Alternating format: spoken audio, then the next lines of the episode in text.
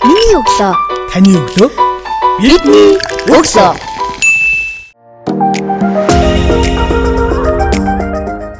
Сонсогч танд шинэ 7 өдрийн өглөөний мэндийг хүргэж байна. Миний өглөө сурал подкастын шинэхэн дугаар сонсогч танд хүрч байна. Энэ удаагийн дугаартаа бид Монгол Улсын соёлын яамны соёл гэгэрлийн газрын дарга наран хэсэгтээ ярилцж байна. Танд шинэ 7 өдрийн өглөөний мэндийг хүргэе. За их баярлалаа. Танаа подкастыг сонсогч бүх хүмүүст бас энэ шинэ 7 хоног болоод шинэ өглөөний мэндийг хүргье. За таны өглөө хэрхэн яаж эхэлдэг вэ? За миний өглөө бол ер нь бол за бас төрийн албанд ингээд бас 20 жил ажиллаж байна. Тийм учраас бол их хөвчлэн ажлаа бодж л өглөөг эхэлдэгтэй а одоо өчигдөр дуусгаагүй ажил байвал өнөөдөр тэрийг бас ямар хөө төлөвлөлтөөр яаж хурдан хугацаанд чанартай дуусгах уу гэдэг талаар төлөвлөдөг.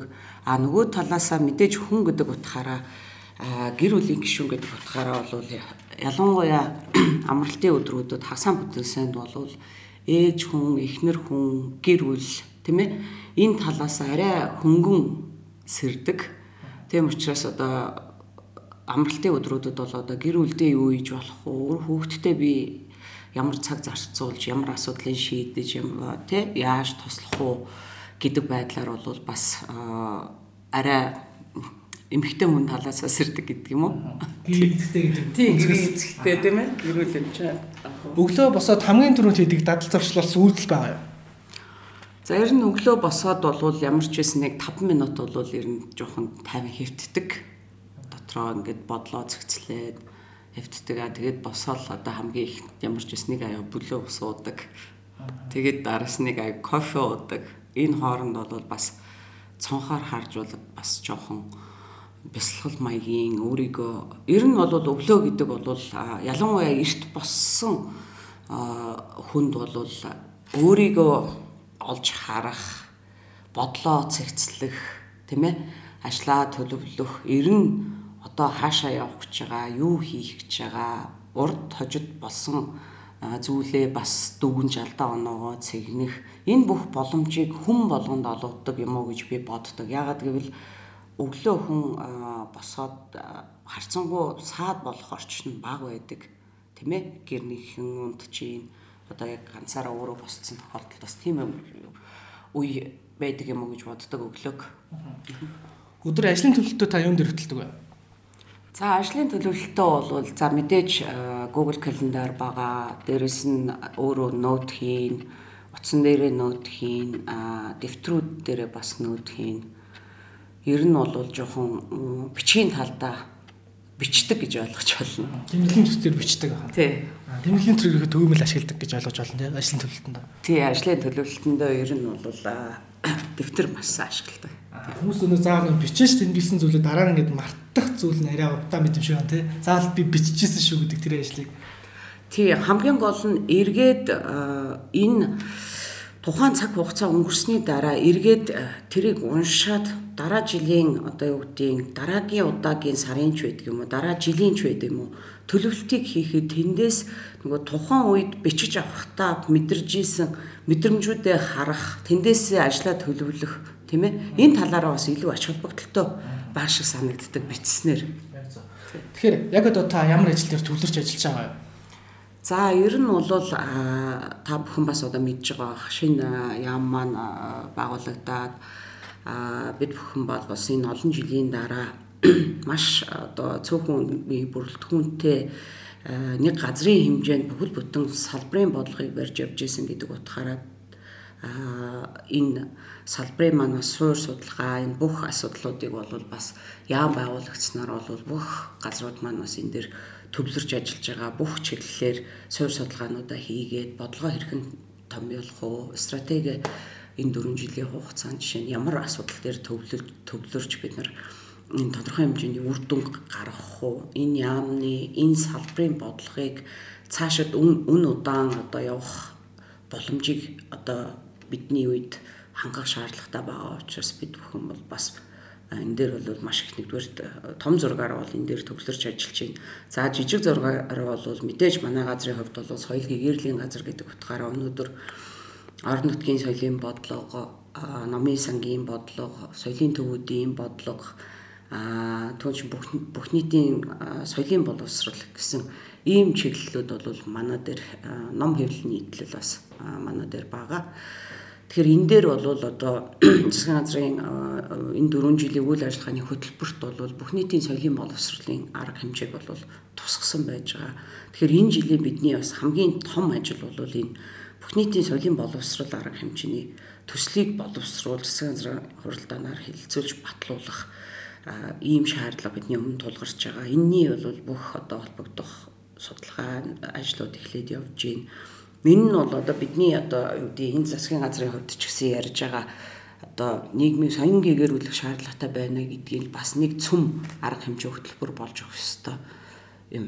Яагаад гэхээр энэ соёлын боловсролын арга хэмжээ гэдэг нь одоо дөнгөж төрсэн хүүхдээс эхлээд 80 настай хөвшинт хүртэл хамаарах хууц ийм үндэсний хэмжээний арга хэмжээ байх учраас бид нэр зорилтод бүлгүүд дээр тийм ээ одоо юу гэдэг хүүхдүүд дээр яаж очих уу залуучууд дээр яаж очих уу залуучууд дотроо одоо юу гэдэг нэгдүгээр курсийнхан дээр яаж очих уу тийм ээ а дунд одоо иргэм насны ажил хийж байгаа хүмүүс дээр яаж очих уу гэдэг гих мэтлэнгээр энэ бас маш олон сегментлж явах учраас бас энэ бас нэлээд их судалгааны ажил шаардлагатай байгаа. Тэгээд ер нь гол том асуудал маань бол ер нь энэ дээр л төвлөрч ажиллаж байна. Солийн ямыг байгууллагад уран бүтээлчд зохиолчд ерөнхийдөө ерөнхийдөө бичгийн салбарын бол маш их нааштай хүлээж авсан л да. Ер нь ашиггүй дээр ихээр байгаа дарсан шилж болно. Тэгээ соёл гэрээлийн энэ газар байгуулагдаад одоо энэ үйл ажиллагааг эрхлээд төсөл хөтөлбөрөөр бэлдээ явж хахад нэг хэмжих хэмжүүр нь юу вэ гэдэг дээр иргэд олон нийтийн зүгээс яг юугаар хэмжих вэ? Соёл одоо соён гээрсэн гэж одоо яг ямар хүнийг хэлэх вэ? Одоо чинь урлаг спортоор одоо төлөвлөсөн спортоор хичээлдэг хүмүүс үү спортоор хувьд бас хүмүүжил төлөвшөж ялах ялалт ингээд энэ төлөвлөл мэдрүүлдэг гэж одоо спорт урлын хөгжлөөр одоо хүүхдээ сургаж байгаа одоо эцэг эхчүүд бол тэрүүгээр хэмжээ явуулдаг. А тэгэнгүүт яг соёнгийн ирсэн иргэн та саялж 8 настай болчихсон 80 настай буурал хүртэл хамаарал төр нас бүлэг сегмент газар зүүн байрлал бүс нутгийн онцлогоос хамаарат энэ судалгааны ажил маш ихээр хийгдэж байгаа гэж байна. Тэгэхээр яг соёнгийн ирсэн үдийг та маш товчноор тайлбарлаад хэлсэн. За ер нь бол соён гэгэрсэн хүн гэхээр ер нь соён гэгэрл гэж бол бас хүмүүс аягүй ярих дуртай байдаг. Гэхдээ энэ нь бол өнөөдөр соёлын ам бодлогоо тодорхойлохдоо соёл гэгэрлийн газар, урлаг уран бүтээлийн газар, соёлын өвийн газар, а энэ гурван бодлогын газар дээр нэмээд соёлын бүтээлч үйлдвэрлэл инновац хэлтс гэдэг ингээд дөрвөн гол бодлогоо ийм байдлаар томьёолсон байж байгаа. Энэ дөрвөн газрын үйл ажиллагаа нэгдчээж соён гэгэрлийн цогц бодлогыг явуулж чадна. А ер нь бол соён гэгэрсэн хүн гэдэг бол ер нь сэтгэлгээний болоод хандлагын одоо зөв эерэг хандлагатай хүнийг л бид нэр соён гэгэрсэн гэж хүн гэж үзнэ ийм болохын тулд зорж ажиллаж байна. Тий. Одоо одоо бид нар юу гэдэг а хүний эрхийн суур одоо зарчмуудад суурс суурилсан одоо тийм аргаар бид нар энэ соён гэгэрлийн ажлыг явуулах болохоос биш. Өнөөдөр хүнд тийм ээ ямар нэгэн байдлаар тулгах сонирхолгүй зүйлийг одоо өгөх ямар ч одоо одоо цаг үед бол сонголт маш их болцсон байгаа учраас бид нар тэгэх боломж бол баахгүй. Тийм ээ дээр үед бол одоо үүдийн соёлын дотлогооч гэдэг юм уу юм пропаганда маягаар ингэж явж исэн бол одоо бид нар энэ байдлаар болоод явах бол боломжгүй хүмүүсийн хувьд сонголт ихтэй болцсон байгаа учраас тэгэхээр энийг бид нар хүний эрхийн зарчим суурилсан арга хандлагаар тийм ээ тодорхой зорилтууд бүлгүүдлүү чиглэж дээрэс нь бид нарын бас нэг том энэ бодлогын хувьд ярьж байгаа юм гэвэл хүүхэд хүүхэд рүүгээ чиглэж ажиллая. Тийм ээ? Хүүхдүүдэд одоо юу гэдэг зөв эерэг хандлагатай ийм хүүхэд болоод төлөвшүүлэхэд бол энэ өөрөө хүүхдийн одоо бага наснд суусан дадал зуршил хандлага бол хизээч өөрчлөгддөггүй тэр хүн тэр чигээрэл насанд хүрдэг байхгүй. Тэгэхээр тэр талаас нь бас бид нар болцож ажиллая гэсэн бодолтой байгаа. Таны сайн соёлын ерөөсөний тайлбар дээр хувийн хандлага дээр хувийн чадвартай холбоотой зүйлүүд гарч ирж байна. Тэгэхээр танаас асуух дараагийн асуулт хувинд байх хэвээр хамгийн чухал гурван чадварыг та нэрлэж яагаад энэ гурван чухал чадвар байх хэвээр гэж үзэж байгаа гэдгийг тайлбарлаач.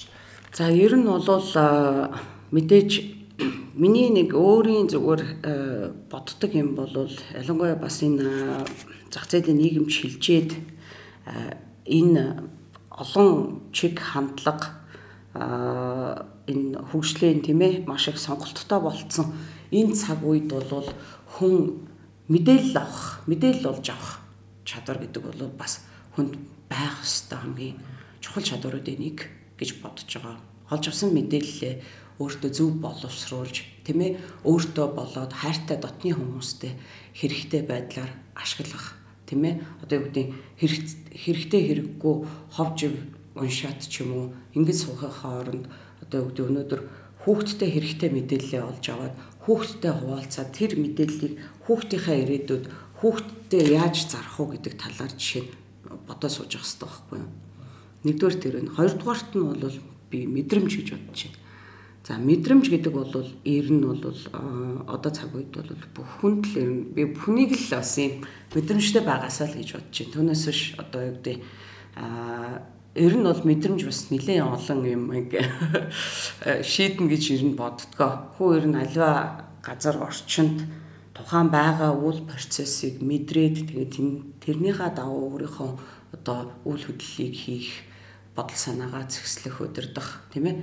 Энэ бол бас тухайн хүнийг эвгүй байдалд оруулахгүйгээс гадна одоо том суур зарчим байгаа шүү дээ таны эрх миний эрхээр хязгаарлагдана гэж. Өнөөдөр би тэгэх ёстой гэдэг байдлаар хүнд юмыг тулгаж болохгүй. Би тэгэх ёстой гэдэг байдлаар бүдүүлэг зан гаргаж болохгүй. Тийм ээ энэ нэргээл бас яг хүний өөрийнх нь бас л суур хүмүүжил төлөвшил чанартай холбоотой байгаа байхгүй. За гурав дахь юм нь бол за мэдээж боловсролын асуудал тийм ээ хүн тухайн одоо нөхцөл байдалд өөр талбар дээр өөрийнхөө байдлаар тоглоё гэж бодож байгаа бол чи өнөөдөр боловсрол эзэмш юм унш юм мэд хүний өмнө хэлэх өөрийн гэсэн таван хүүхдээ бай. Та сая мэдрэмж гэж ярьсан. Тэгэхээр сэтгэл хөдлөл хэр өндөр хүн бай? 22 настай л анх одоо Улсын хурлын хамгаалан газар гэдэг байгууллагад ажилд ороод энэ 20 жил ингээд төрийн албаар явцсан учраас төрийн албанд ажилласан бол сэтгэл хөдлөлийн асуудал их тийм одоо 20 гэж хэлэхгүй тэгтээ юу гэдэг хийж байгаа ажилтай холбоотойгоор ер нь бол нэг тийм хүсснээрээ сэтгэл хөдлөлөө гаргаад авах боломжгүй байдаг учраас тэр орчиндөө дасаад энэ удаан хугацааны энэ удаан хугацаанд чинь хүн тодорхой хэмжээгээр одоо дадлуулна гэдэг юм уу да тийм ээ. Тэгэхээр бол би бас өөрийгөө бас тийм айхтар сэтгэл хөдлөлтөө хүн гэж бол гаргаж чаддаг хүн гэж бол хэлэхгүй юм. Аа мэдээж сэтгэл хөдлөл байл яах вэ? За хүлээж авахд бол нэлээд гаргах тал дээр болж байгаа хаалттай биш. За одоос тэгж хэлж томьёолж болно болно тий. Хүмүүс сэтгэл хөдлөл өндөртэй хүмүүс тэрийг илэрхийлэх чадвар нь бас төрийн ядамны зарчим ёс зүй гэж юм байна л та. Тэгээ тэрэнд чинь бас юу хашигдэн штэ бид нар чинь. Тэгээ бид нар өөрсдийнхөө хүснээр одоо юу саналаа хэлээд авах боломжгүй байдаг учраас бас тэр талаас бас бид нар чинь тодорхой хэмжээгээр хашигтан за мэдээж юу гэж одоо тэглээгээд бас байнга бүх юм дээр тэгнэ гэж бас байхгүй л да үнэхээр тэр тухайн нөхцөл байдал асуудлаас шалтгаалж байна. 19 дээрээ та хэрэглэж байгаа аппликейшнүүдээс бусдаа хуваалцаж ямар төрлийн аппликейшнүүд хэрэглэж байна? За одоо мэдээж нөгөө харилцааны одоо Telegram, Viber ч гэдэг юм уу тэднэр бас байгаа. За дээрэс нь би бас энэ юуны аялал жуулчлалын, соёлын чиглэлийн аппликейшнуудыг бас ер нь нэлээд хардаг. Дээрэс нь юуны мэдээний аппликейшнууд бас надад айгүй их байна. Map-нууд байна.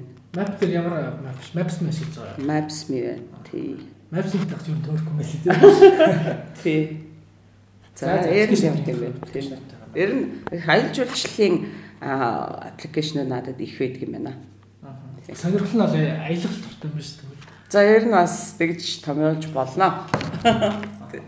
Сүүлд хаашаа ирсэн бэ? Мексик орчод ирсэн юм шиг юм. Тий. Гэхдээ одоо бараг жил мэл хагасан юм нөха. Тийм бид нар ч жил хагасан өмнөөс тиймээс 19 оны нэг ламар маамар хацаж явах бол тийм 20 Мексикийн нөгөө Тулум гэдэг нөгөө эртний хотын төр дээр очиж бас тэнд нэг тав хомлоо яла. Та өөрсдөд хэр бэлтгэлтэй байдаг вэ? Ер нь дасан зогсогчдод өөр хэр өндөр хүн бай. За ер нь бол бас дасан зогцох чадваргүй гэж бол өөрийгөө хэлэхгүй. Дасан зогцох чадвар.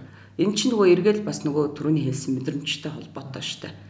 мэдрэмж таны өөрийн чинь мэдрэмж өндөр байвал болох гэж байгаа үйл явдлыг та хүнээс өмнө мэдэх байхгүй мэдрэх байхгүй. Тэгэхээр хүн мэдэрсэн үе яах вэ? Тэрэнд бэлтгэл хийгээд эхэлнэ шүү дээ. Тийм ээ? Яа тэр лөө хүссэн хүсэг надыг тийшээ бишгэлж болчлоо шүү дээ. Тэгэхээр би тодорхой хэмжээгээр өөрийнхөө хэмжээнд хичнээн надад яг тулгарч орж ирээгүй ч гэсэн би өөрийнхөө чиглэлийг тэр лөө чиглүүлээд өөрийгөө бэлдээд эхлэв шүү дээ. Тэгэхээр тиймэрхүү байдлаар ер нь асуудалд их ханддаг гэж өөрийгөө боддог. Хөгжлийг та тодорхойлооч маш тавчхнаа. Хөгжил ерөөсөө соёл шүү дээ. Тий. Соёл соёл гэдэг юм чинь ер нь бол хүнийг төрсэн цагаас нь эхлээл хүнтэй цуг байж байгаа. Хүний байнгын одоо итгэвтэй чөлөөтийн үйл ажиллагааны үр дүнд би болсон итгэл үнэмшил тийм ээ одоо өөрийн чинь хим химжээ өөрийн чинь хөгжил энэ бүхэл тэр тухайн хүний үнд зүйлсийнх нь өөрийнх нь цогц юм байхгүй. Тийм учраас төрсэн цагаасаа эхлээл чи зан заншилтай холбогдоод эхэлж байгаа үстэй. 3 3 сар хүртэл нь гадны хүн харуулахгүй ч гэдэг юм уу ингээл хэр хөлс олчнаа гэж эхэлдэг штеп. Эн чинь ингээл хүнийг төрсэн цагаас нь эхлээл тэр соёлын процесс чинь өөрөө зан заншил хэм хэмжээ уламжлалын процесс чинь өөрөө явж байгаа л байхгүй. Тэгэхээр тэр хэмжээгээр бол бид нэр хүний соёлын хэмжүүр бол явдаг гэж үздэг. Тэгэхээр энэ нь бол өөрөө эргээд нөгөө тухайн хүнтэй цуг явж байгаа хөгжил байхгүй. Тийм биз. Та 20 жилийн өмнө ажиллаж байсан наран цэцэг 20 жилийн дараах наран цэцгийн хугацаас мэдээж нэг олон цаг хугацаа хөгжил маш олон шинжилгээ өөрчлөлтүүд бол явагдсан байгаа шүү дээ. Энэ хугацаанд таны хамгийн өөрчлөгдөг үзүүлч юу вэ? Энэ зан чанар юм болоо.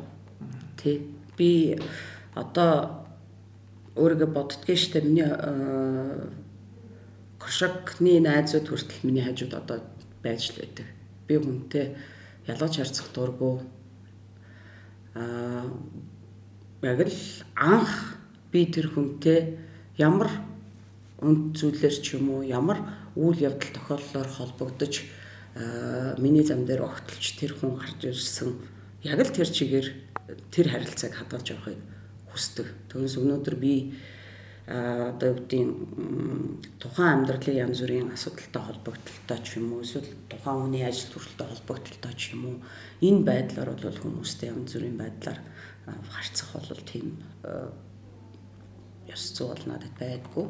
Тийм учраас ер нь бол яг л хүнтэй хүн гэдэг утгаар харьцдаг учраас надад ер нь миний хажууд нэг ирсэн хүн боцож авахгүй надад цугл байдаг та тухайн одоо салбар яамны одоо газрыг тэргүүлж байгаа хүний хувьд соёлын яам байгуулсан хамгийн чухал ач холбогдлыг бидний сонсож байгаа залуучуудтай тайлбарлаж. Яг хөө өнөө нэг идеалийнх нь бол энэ яам байгуулах нь зүйтэй гэдэг үсч байгаа.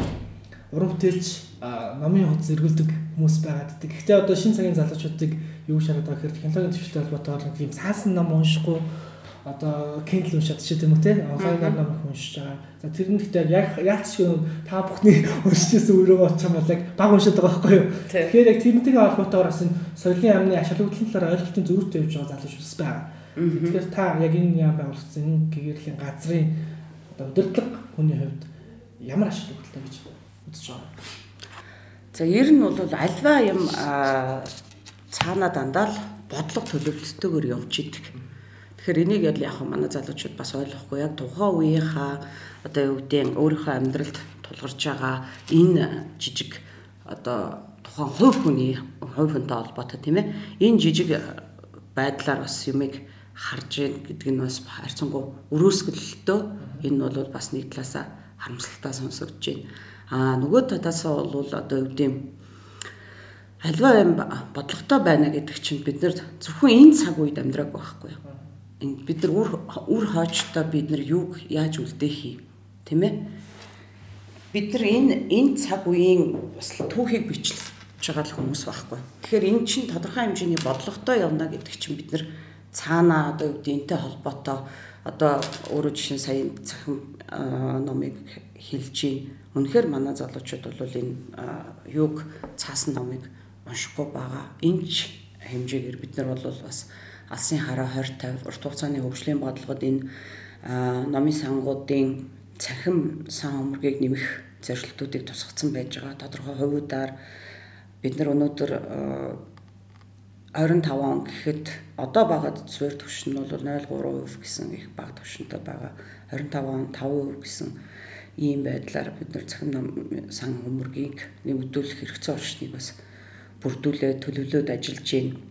Гэхдээ бол бид манай бас төр хувийн хвшлийн хамтын ажиллагааны хүрээнд И-сан гэдэг бас манай залуучууд мэдж байгаа бах. И-сан, И-ном гэсэн энэ ажилласан энэ байгууллагуудтайгаа бас хамтраад бид бүхэн бол ганц 5% орч зогсохгүй 20% рүү хүргэхээр бас ингэж ажиллаж байгаа.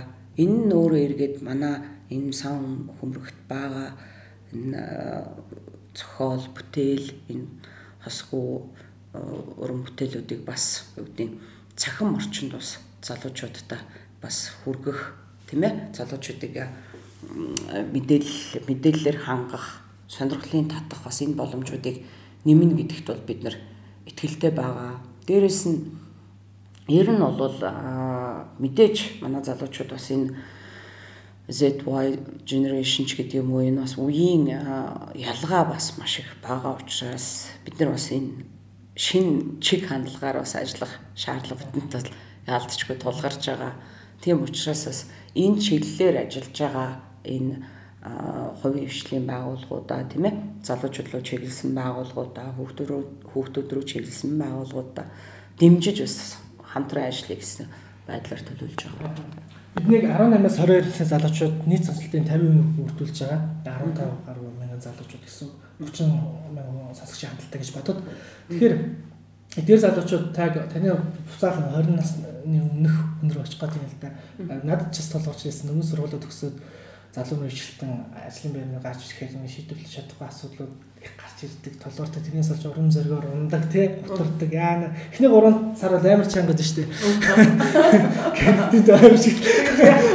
Цэргүүдээр бол карантинд байгаа шүү. Карантинд гэсэн сэргийх чинь аягүй жаргалтай гэдэг нэг даа шүү. Карантинд дуусаж их амьдрал эхэлдэг гэдэг. Яг тэр шиг юм daаш давшгүй гэдэг юм уу эсвэл тухайн асуудлаас шалтгаалаад ажилласаа шалтгаалаад шантрах тохиолдол дээр та яг заавал тэрний ард гарандаа гэсэн ихтгэл урам зориг ирч хүчиг юунаас олж авдаг? За ер нь бол мэдээж ажил хийж байхад янз бүрийн саад бэрхшээл зөндөл юм тохиолдно.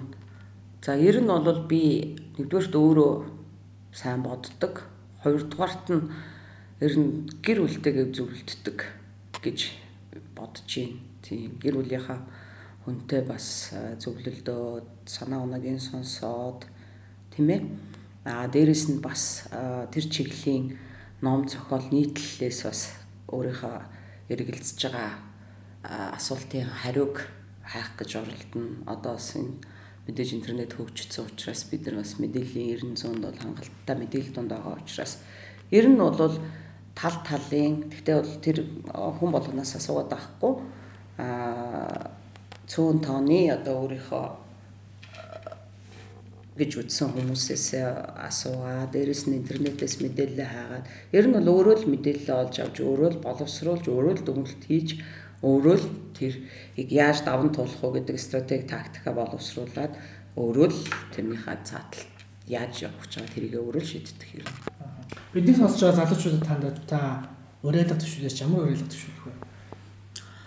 За мэдээж одоо надыг бас ийм сайхан залуучууд руу чиглэсэн ийм подкастт урьж оролцуулсан бас их баярлалаа.